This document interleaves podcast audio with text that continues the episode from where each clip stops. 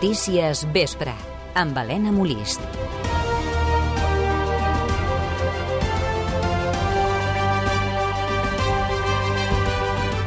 Els veïns aproven el nou complex Roureda. De fet, n'hi ha varis que ja es plantegen presentar la seva sol·licitud per anar-hi a viure quan estiguin construïts. Julià Ramon, molt bona tarda. Bona tarda. El complex Roureda tindrà un centenar d'habitatges de lloguer per a gent gran i un centre d'activitats obert a la ciutadania.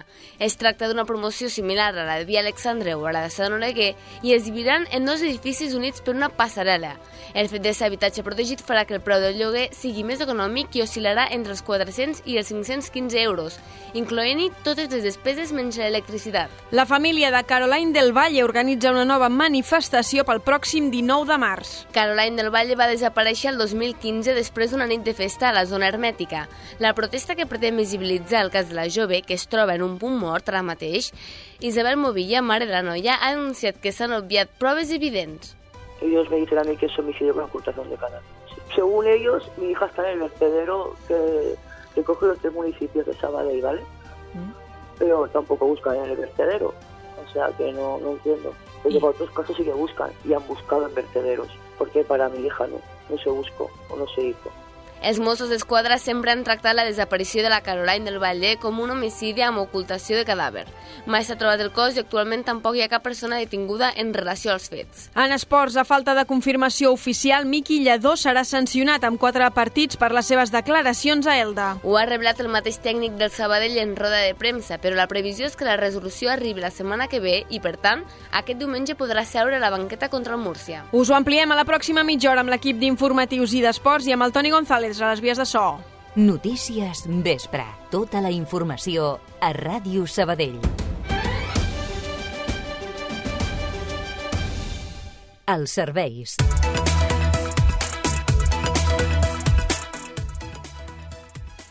A hores d'ara, aturades durant dos quilòmetres a la P7 a Mollet del Vallès en sentit sud a causa d'un accident a la mateixa AP7. Per altra banda, també hi ha aturades a la C16 entre Berga i Cercs i entre Bagà i la boca sud del túnel del Cadí, sempre en sentit nord. El temps.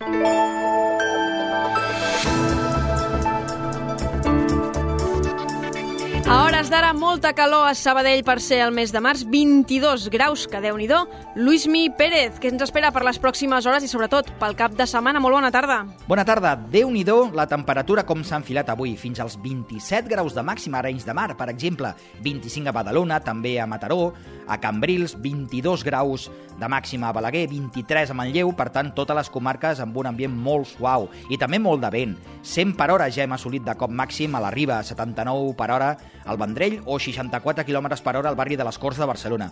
Encara aquesta nit i demà bufarà el vent de ponent fort a cavall de Tarragona, Barcelona i el sud de Lleida. Per tant, precaució, per exemple, al Camp de Tarragona, al sud de la Catalunya central, també a l'àrea metropolitana de Barcelona, perquè aquest vent serà intens. Pocs núvols, per altra banda, el dissabte només alguns a l'Alt Pirineu i menys vent a Girona. Però atenció amb la temperatura de dissabte, encara puja més que la d'avui, entre 24 i 28 graus, a l'interior de Girona, cap als Vallesos o a les Terres de l'Ebre. Diumenge baixa una mica la temperatura arran de mar, els núvols es formaran entre Girona i Barcelona, poc importants, i la temperatura pujarà a la terra ferma, per tant encara més calor, a Lleida.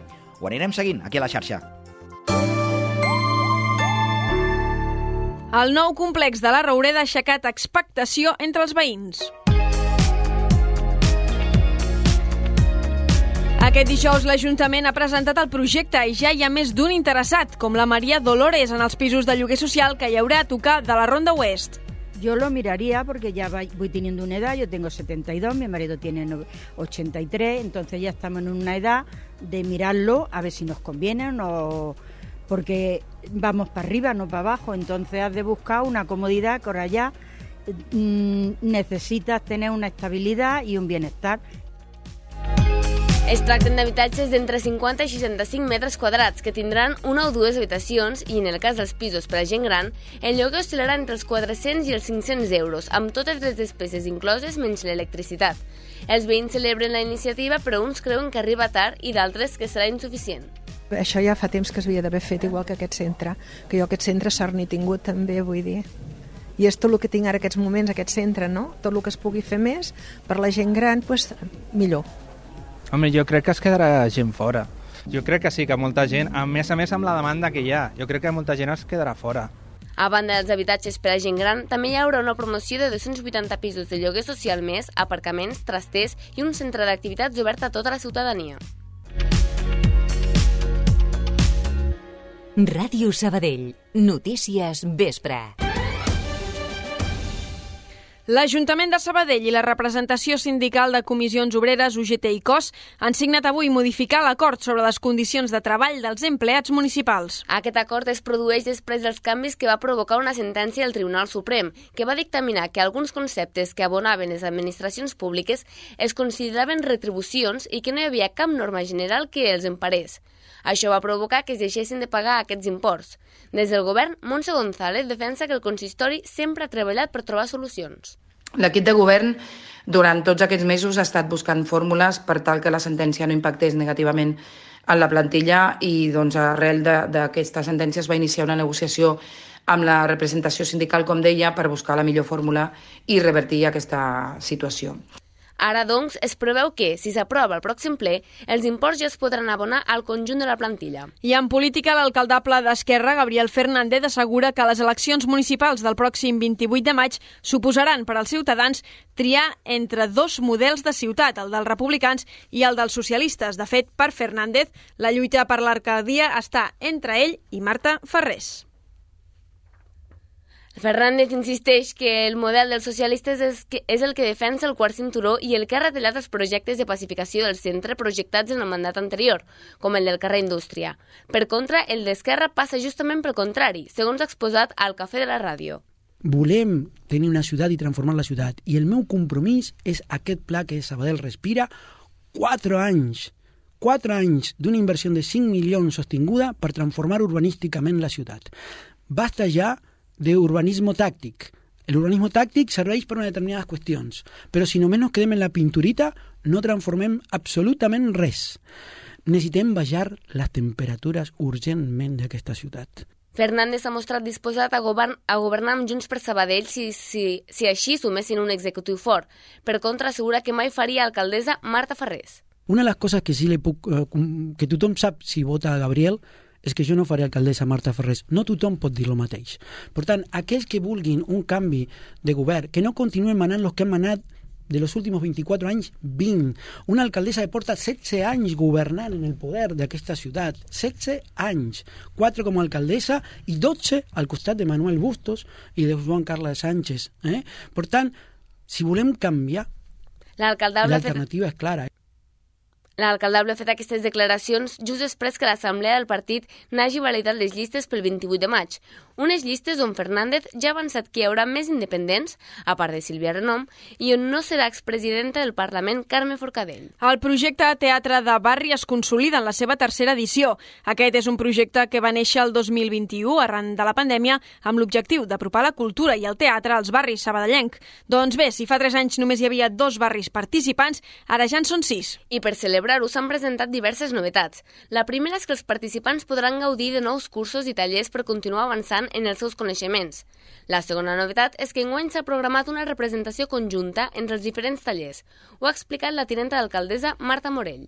Estem buscant un espai on, en un dia determinat, doncs, tots els projectes de teatre de barri puguin actuar en una escena que ja s'està també assajant i que es pugui fer un tastet del, les, dels sis projectes del teatre de barri. Per tant, al novembre el que farem serà buscar un teatre de la ciutat i que es faci una representació i així doncs, obert a tot el públic doncs, també que es pugui veure els tallers continuaran impartint-se un any més per Jaume Garcia Arija, que ha volgut remarcar la importància d'aquestes classes. Veure que, que la gent mm, supera, millor certs, jo què sé, certes traves, que, que evoluciona artísticament, que personalment s'enriqueix, això és, eh, és fantàstic. I a més a més veure que entre ells i elles i entre els barris es creen xarxes i comunicació és, és el millor del món. Morell ha reivindicat que aquest és un dels projectes més estimats d'aquest mandat, amb una alta participació en sis barris de la ciutat. Torna a escoltar aquest informatiu a radiosabadell.fm. Prop de 300 persones posaran rumb cap al monestir de Montserrat aquesta matinada. La romeria de l'Acadèmia Catòlica durarà, com és habitual, tot el cap de setmana i hi haurà actes de tota mena. Enguany destaca el concert de la coral del Club Natació i el president de l'Acadèmia Catòlica, Ramon Graells, anima a tothom a participar-hi, tant si es creuen en la religió com si no seguim la, tra la tradició de la peregrinació a Montserrat, que ja es feia a l'edat mitjana per mm, donar les gràcies de que doncs, havien passat el còlera, el tifus, alguna pandèmia, com ara ha passat, no? Sí. No sabíem sí, sí. pas que ha passat una pandèmia.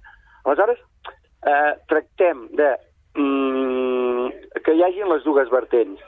Tant gent que tingui fe com gent que no en tingui tanta com gent que no en tingui, estimar la natura. És a dir, la, la, la pujada a peu acollim a tothom. La romeria arrencarà des de la plaça Sant Roc a tres quarts de cinc de la matinada, tot i que també hi ha l'opció de fer una part amb transport públic o amb cotxe. I una altra proposta per aquest cap de setmana, però en aquest cas de cultura popular. Els gegants de Gràcia celebren 40 anys i aquest diumenge començaran els actes de commemoració. La colla presentarà una nova imatge d'en Genan i de Leonor, dos figures que van estrenar ara fa 20 anys a la plaça del Treball. Núria Oltra, membre de la colla, destaca la importància que li han dedicat a la vestimenta la imatge i sobretot el vestit uh, diuen molt no, del Clar. que representen i de qui són. Llavors és molt important doncs, mantenir aquesta, aquesta imatge i del que són, no? que ell és un treballador tèxtil i ella és una bugadera, és una noia que va a rentar la roba. Llavors això, uh, aquesta essència no la podem perdre de fet, els gegants de Gràcia van néixer del moviment, moviment veïnal i han anat sumant figures any rere any. En el 40è aniversari de la primera geganta de la colla s'hi sumen els 15 de la gralla, Oriol Planell, un dels membres més veterans de la colla, avança que la festa d'aniversari s'allargarà tot l'any. Doncs tot l'any que, que ens ve ara per endavant, que farem diverses eh, activitats eh, especials més enllà de les rutinàries de festes majors. Eh, la primera serà aquest diumenge 12 de març, on estrenarem els vestits dels gegants nous, i després la clausura de l'aniversari serà després de la nostra festa major, eh, en concret serà el mes d'octubre. Abans de la presentació d'aquest diumenge hi haurà una cercàvila pel barri. Ràdio Sabadell. Notícies. I aquesta tarda s'ha inaugurat l'exposició Resistents i deportades al Centre Cívic de Candeu. Està basada en la història de, do, de 19 dones i narra la resistència i la deportació femenina als camps nazis, amb una atenció especial a la de Ravensbrück. És l'única exposició d'aquest tema que posa el focus d'atenció sobre les dones i la seva comissària i membre de l'amic de Matahusen, Rosa Toran, subratlla el missatge reivindicatiu de la mostra. La diversitat de la deportació en el cas de les dones abarca pues, no només política, sinó les gitanes, les testimonis de Jehovà, les socials, és a dir, que hi ha un gran ventall de dones perseguides per la seva condició de no ajustar-se al prototip de la dona, de la dona ària. Resistents i deportades es va estrenar l'any 2005 i ha estat exposada en diferents municipis. Ara arriba a Sabadell i la tinenta d'alcaldessa de Feminisme i Memòria Històrica, Marta Morell, explica per què s'ha escollit el Centre Cívic de Candeu van creure oportú amb l'Amical emmarcar-ho dintre també del, del programa del, del 8 de març, perquè és una altra mirada que no tenim i la importància també de tenir un, un centre cívic perquè moltes vegades estem dient s'ha de donar visibilitat, s'ha de descentralitzar i crec que la cultura, perquè aquestes exposicions també són cultura, és una altra manera també de portar-la als diferents barris de la ciutat i avui doncs la inaugurem en el centre cívic de Candeu. Després de la inauguració d'aquest divendres, la comissària ha ofert una visita guiada per la vintena de plafons que, que conformen l'exposició. Es podrà visitar fins al 26 de març. I els sabadellencs Flashy Ice Cream s'han endut un premi en The Rock. Em desperten a les 12 les sardanes, avui no sonen alarmes, ara. El grup ha guanyat el guardó a millor disc de música urbana per l'àlbum After Sun. En pujar dalt de l'escenari, els sabadellencs han fet un discurs reivindicatiu. Em toca una mica la polla l'estereotip del rap, o sigui, al final és música urbana però fem rap. Um, I si portem cadenes simplement és perquè els xavals del barri ve vegin que es pot aconseguir, tio. O sigui, que da igual tot, tio. Que persegueix el teu puto somni i a xupar-la tot. Fuck that! La revista musical també ha reconegut a Oques Grasses, als Esquirols i a Marina Rosell per la seva trajectòria en un guardó entregat per la sabadellenca Venus. I no deixem de parlar de música perquè es busquen quatre bandes musicals que es vulguin sumar al Festival Ambassat 2023. Tots aquests concerts aniran oberts per, per, una, per unes bandes que encara no es coneixen, que vindran eh, i sortiran de la fàbrica Ambassat. Ho diu l'Arnau Solsona, director del Festival Ambassat. Els artistes no han de tenir discos editats ni management. En sortiran quatre finalistes. El guanyador tocarà durant el festival i els altres tres cadascuna a una de les seves festes de presentació que es faran els caps de setmana de maig anteriors a l'Embassa. Aquesta proposta ja estava en marxa, però la Covid la va aturar d'allà han sortit grups com Pimpilin Pusses, eh, també hi ha passat la Museless, la, els Weia, Aloha Benets, eh, gent molt interessant que han anat, han anat fent feina i sempre amb un nivell molt alt de, bueno, de tota la gent que s'ha presentat. El gruix de la quinzena edició del Festival Embassa es farà el 19 i el 20 de maig, amb Xic Xic Xic, Abundance, Bitnaga, Gazi o Xica Acosta entre els camps de cartell. I entrades exaurides pel concert de Ramon Miravet aquest dissabte al Teatre Principal. Oh, summer, love you in my life. El cantant de Sant Feliu de Llobregat porta Free a les 8 del vespre de demà a la ciutat, un lloc on es diu que se sent com a casa. La veritat és que és una ciutat que sempre ens ha acollit increïble. Eh, tenim un, un nombre de seguidors molt alt a la, a la ciutat. Després del nostre poble i de Barcelona, Sabadell és el, el tercer en el rànquing, segons els, el, el que ens diu les xarxes i, i l'Spotify i totes les plataformes digitals. Així que, d'alguna manera, eh, avui al vespre eh, pues juguem a casa. Va presentar l'any passat el seu quart treball discogràfic de la mà d'un curtmetratge musical i una gira nacional. Després de dos anys de silenci, l'artista torna més fort que mai.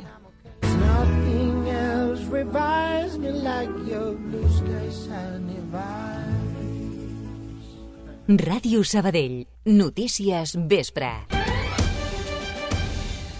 Aviat es compliran 8 anys de la desaparició de Caroline del Valle a Sabadell. La pista de la menor es va perdre el 14 de març de 2015 a la zona hermètica i des de llavors la família no en sap res. Fins ara totes les investigacions han estat infructuoses i el cas es troba arxivat temporalment per no exaurir els 10 mesos que queden per al sobreseïment definitiu del cas. Amb l'objectiu de recordar la noia que en el moment de la desaparició tenia 14 anys, la família ha organitzat una manifestació a Sabadell per al 19 de març. Núria Garcia, molt bona tarda tarda. Bona tarda, Helena. La família de Caroline del Valle vol mantenir viva l'esperança de saber on és la jove, que ara tindria 22 anys. La principal hipòtesi dels Mossos d'Esquadra és que la desaparició respondria a un cas d'homicidi amb ocultació de cadàver. Mai s'ha arribat a trobar el cos i no hi ha hagut detinguts en relació als fets. La investigació no ha fet cap avenç en els últims anys, tal com ha relatat avui al Cafè de la Ràdio la mare de la jove, Isabel Movilla. Assegura que no han tingut contacte amb la policia des de fa dos anys i afegeix que la família se sent abandonada. El tema de desaparició, la família estamos muy, muy abandonada, muy dejadas. Y la familia no lo que puede hacer ahora, ya bueno, cuando va pasando, al principio te vas moviendo, pero una vez que va pasando los años, es que lo que puedes hacer es seguir con la esperanza y otra cosa no puedes hacer. Caroline del Valle va desaparèixer el 14 de març de fa pràcticament 8 anys a la zona hermètica en circumstàncies estranyes i versions contradictòries per part d'alguns testimonis que van estar amb ella la nit dels fets. L'estació Sabadell Sud de Rodalies és l'últim punt on se la pot ubicar. L'últim que se sabe es que corría por un callejón. Ya está. Luego sí que es verdad que llega, hay una última llamada, que es en Sabadell, la estación de Sabadell Sur, por las, las repetidoras que la sitúan ahí, que a las 5 de la mañana. O sea que yo creo que llegó a la estación porque el teléfono tenía patrón de ella y tenía un patrón muy complicado. No era una M ni una L, era un patrón muy difícil. Pero ya sí tiene la pista ahí. Y, no, y es que no sé nada más. Des d'aquest dia no, no vuelto a nada más. Per reclamar que continuïn buscant la seva filla Isabel Movillà, ha convocat una nova manifestació a Sabadell per al diumenge 19 de març. Sortirà a quarts de 6 de la tarda de l'estació Sabadell Centre de Rodalies i arribarà fins a l'Ajuntament, on es farà un petit homenatge. Més notícies en format més breu. Avui també és notícia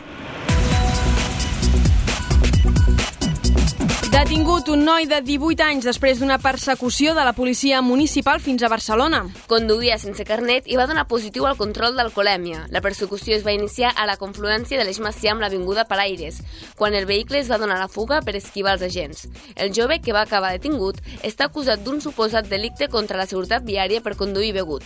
També s'ha tramitat la denúncia administrativa per conduir sense permís. Un detingut després d'una baralla al bar Los Faroles del carrer Francesc Lairet a la Creu Alta. La disputa es va iniciar a la porta del local passades les 11 de la nit per causes que encara es desconeixen. Fruit dels cops, dos individus van resultar ferits. El detingut, que va haver de ser traslladat al CUAP Sant Fèlix, i un segon home traslladat al Taulí. I dos detinguts a Montcada i Reixac per cultivar marihuana al seu domicili. Els arrestos s'han produït després que un veí hagi avisat al 112 que s'estava calant foc a un dels pisos. Quan els bombers han extingit l'incendi, han trobat una plantació de marihuana amb 396 plantes. Els Mossos d'Esquadra han detingut els dos inquilins de l'habitatge que es trobaven a dins. Es tracta d'un home i d'una dona que estan acusats d'un delicte contra la salut pública i un altre de defraudació de fluid elèctric.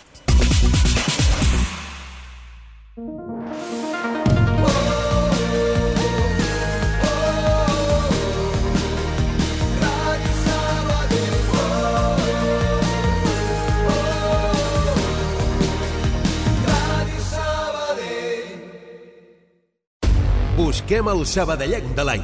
Ens ajudes a trobar-lo? Laura Andrés, Maria Antònia Cavistany, Caral Castellet, Antonio Martos o Tomàs Pladevall. Entra a la pàgina web de Ràdio Sabadell i vota la persona més destacada de la ciutat d'aquest últim any, fins al 14 de març a les 12 de la nit.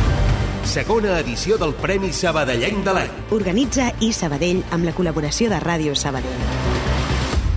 Ens ajudes a trobar-lo? Ser a prop vol dir veure les coses més bé. Apropa't al que t'interessa amb la xarxa Més. La teva plataforma audiovisual de qualitat, proximitat i gratuïta. Gaudeix dels continguts de més de 30 televisions locals i podcast quan, com i on tu vulguis. Entra a la xarxa més.cat i descarrega't l'app. Ràdio Sabadell. Notícies vespre.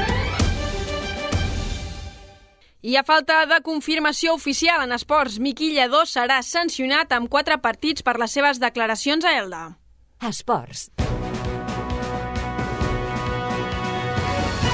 Sergi Parc, molt bona tarda. Bona tarda, Helena. Ho ha revelat el mateix tècnic del Sabadell en roda de premsa. Sí, és el mínim que estableix el Codi Disciplinari per a aquests casos i la previsió és que la resolució arribi la setmana que ve i, per tant, aquest diumenge sí que podrà seure a la banqueta contra el Murcia. En canvi, sempre que s'acabi confirmant aquest extrem, el Sant Coatenc es perdrà els duels contra Bilbao Atlètic, Barça Atlètic, Real Societat B i Nàstic.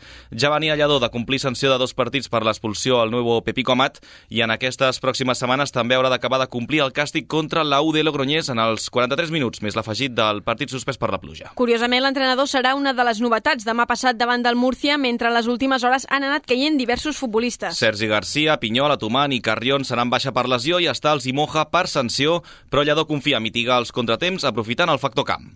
Estem eh, en un moment molt més avançat, més madurs, amb, amb ganes de, de competir-ho. Diumenge és un partit, eh, ja et dic, és, és complicat, però no, no ens ho prenem com algo que, que, que ens posi nerviosos, no? al contrari, crec que diumenge sí que necessitarem eh, un altre cop de l'afició que, que, que ens ajudi no? en, en aquests minuts on, on costi una mica més perquè, perquè realment hem, hem de fer valer el, el factor casa i, i, i intentar sumar els tres punts. Dels 13 partits que li queden al centre d'esports, 8 seran a la nova Creu Alta. Pel que, pel que fa al Múrcia, l'equip de Mario Simón arriba amb una ratxa de 5 enfrontaments sense perdre i és quart classificat. S'erigeix entre un dels clars candidats per entrar a playoff i el tècnic afronta així l'últim terç de Lliga. Nosotros al final la presión la tenemos eh, intrínseca prácticamente y, y, y es algo que, que lleva el club en, pues antes de empezar la temporada o ya en pretemporada. Por lo tanto, bueno, nosotros siempre nos intentamos traer de eso, intentamos centrarnos en el día a día, en el partido más próximo, bueno, sabiendo que, que el objetivo es muy bonito, pero es muy difícil el, el, estar arriba porque hay grandes equipos y bueno, a partir de ahí, pues cada semana, pues intentar hacerlo bien, intentar ganar, intentar hacer buen fútbol, que es lo que pretendemos, y a partir de ahí, bueno, pues eh, estar en lo más arriba posible, pues cuando quede esas cuatro o cinco últimas jornadas que se decidirá todo. Diumenge a les 7 del vespre, el xiulet inicial, des de mitja hora abans, el Sabadell en joc. I per la seva part, el filial del Sabadell rebrà a casa el Balaguer en el partit corresponent a la jornada 20 de la primera catalana. Els arlequinats buscaran la victòria per mantenir-se dins de les places d'ascens a la nova Superliga catalana. Els de Marnomen es veuran les cares amb el conjunt lleidatà en una bona oportunitat per retallar distàncies al quart classificat, la Guinaueta, que s'enfronta al líder, el Mollerussa. José Enrique Carrasco, davanter arlequinat, espera un partit tancat on serà important transformar les ocasions generades. El fet de jugar a casa també doncs, canvia molt. Me'n recordo el partit eh, d'anada que va estar molt trebat, vam empatar 1 a 1 i serà un equip on defensivament sobretot són, són molt sòlids i costa, costa generar-los, però bueno, és això, jo crec que el fet d'estar a casa i tal, doncs hem de plantejar un bon partit i a veure si passa com aquesta setmana i, i tot el que tenim va cap a dins i, i podem guanyar el partit. El Balaguer, per la seva part, no ha guanyat en el que duem de 2023 i lluita per eludir el descens. Demà a les 4 arrencarà l'enfrontament a Olímpia. I tot preparat per la disputa aquest cap de setmana de les dues clàssiques de la Unió Ciclista Sabadell. D'entre la representació local, David Domínguez i Òscar Rota hi seran presents amb el Zamora Namora. Tots dos coneixen bé el traçat i ja han participat en les proves en edicions anteriors. Domínguez, per exemple, va ser tercer al Joan Escolar de fa un parell d'anys, tot i que es veuen més opcions de fer un bon paper diumenge al Campionat de Sabadell. Potser la cursa de diumenge per mi és, és una mica més dura, té més terreny de, de pujada i i se'n pot donar millor, però el dissabte també és una cursa més curta on es va molt ràpid des de l'inici i també tenim dos corredors molt ràpids, que són l'Òscar i el Pau Torrent, també, un altre company, i els intentarem ajudar i que, i que guanyi un del nostre equip. En aquesta edició que recordàvem ara del 2021, per cert, es va imposar Raül Rota, el germà de l'Òscar, qui per demà el Joan Escolar preveu una cursa moguda. Sol fer una escapada i, bueno, després depèn l'equip si algú es posa a tirar o no, però clar, nosaltres correm només 4 demà i sí que és bastant complicat, però ens intentarem ficar a totes les escapades possibles i si no, bueno, ens l'haurem de jugar. Veurem quin paper tenen Domínguez i Rota i si tenen opcions d'agafar el relleu al rus Gleb Siritsa, guanyador per partida doble l'any passat. Recordem, demà a la tarda el Joan Escolar i diumenge al matí al Campionat de Sabadell. I encara en ciclisme, Sergi s'ha cancel·lat la sisena etapa de la París-Nissa per les fortes ratxes de vent. Al matí ja s'havia retallat el recorregut a 80 quilòmetres per aquesta circumstància, però finalment l'organització ha decidit suspendre-la. La cursa amb la participació de David de la Cruz es reprendrà demà amb l'etapa reina entre Nissa i el col de la Cuyol. El sabadellenc és 26è en una general comandada per Tadej Pogacar. I acabem amb waterpolo. La selecció espanyola, Medulorrio, Sergi Cabanes i Bernat Sanauja ha tornat a guanyar la fase de grups de la Copa del Món. Fàcil triomf pels jugadors de l'Astralpool i companyia, 20 a 10 davant Geòrgia per encarrilar l'accés a la fase final, ja que passen els tres primers i Espanya ha guanyat els tres partits disputats. Els de David Martín els queda jugat diumenge contra Sèrbia i dilluns davant Austràlia. I pel que fa al femení de l'Astralpool, demà té un partit assequible a la divisió d'honor. Sí, les de David Palma no haurien de tenir cap problema per sumar la setzena victòria en 17 partits de Lliga a la piscina del Tenerife Echeide, que tot i això és el sisè classificat, amb 9 victòries i 7 derrotes fins al moment. Tot i això, a tres setmanes, tot això a tres setmanes clavades perquè es disputi la Final Four de la Champions a Callong. A l'Astralpool només li queda un partit de Lliga de cert nivell contra el Mediterrani i el tècnic explica com mitigaran aquesta falta de competitivitat. Farem igual que la, que la fase, a la segona fase de Champions, vindrà la selecció holandesa, farem tres dies entrenant amb elles i que són sis sessions que traiem aquí que són exigents i, i això serà ara la setmana que ve. I això jo que penso que ens ajudarà i ens a tot de cara a aquest partit tan important de semifinal contra l'Horizon de Catània. Abans de tot això, a dos quarts d'una hora d'aquí de demà, arrencarà aquest Tenerife i Cheide, Astralpool, Natació, Sabadell Femení de Lliga. Moltes gràcies, Sergi Parc. Molt bon a cap de setmana. Doncs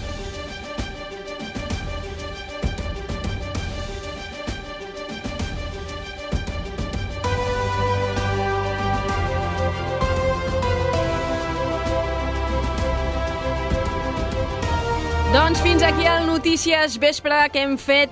Gràcies a tot l'equip d'informatius i d'esports i de tècnics de Ràdio Sabadell. Podeu seguir informats al portal web de Ràdio Sabadell on anem actualitzant la informació sobre tot el que passa durant el cap de setmana. Això és tot. Tornem dilluns amb el cafè de la ràdio. Que vagi molt bé i que tingueu un molt bon cap de setmana, quasi de primavera.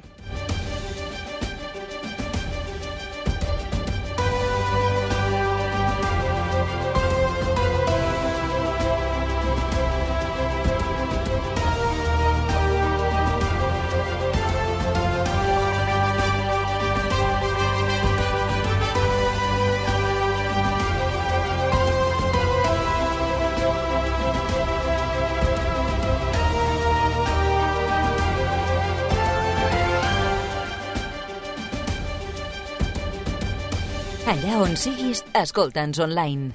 En directe.radiosabadell.fm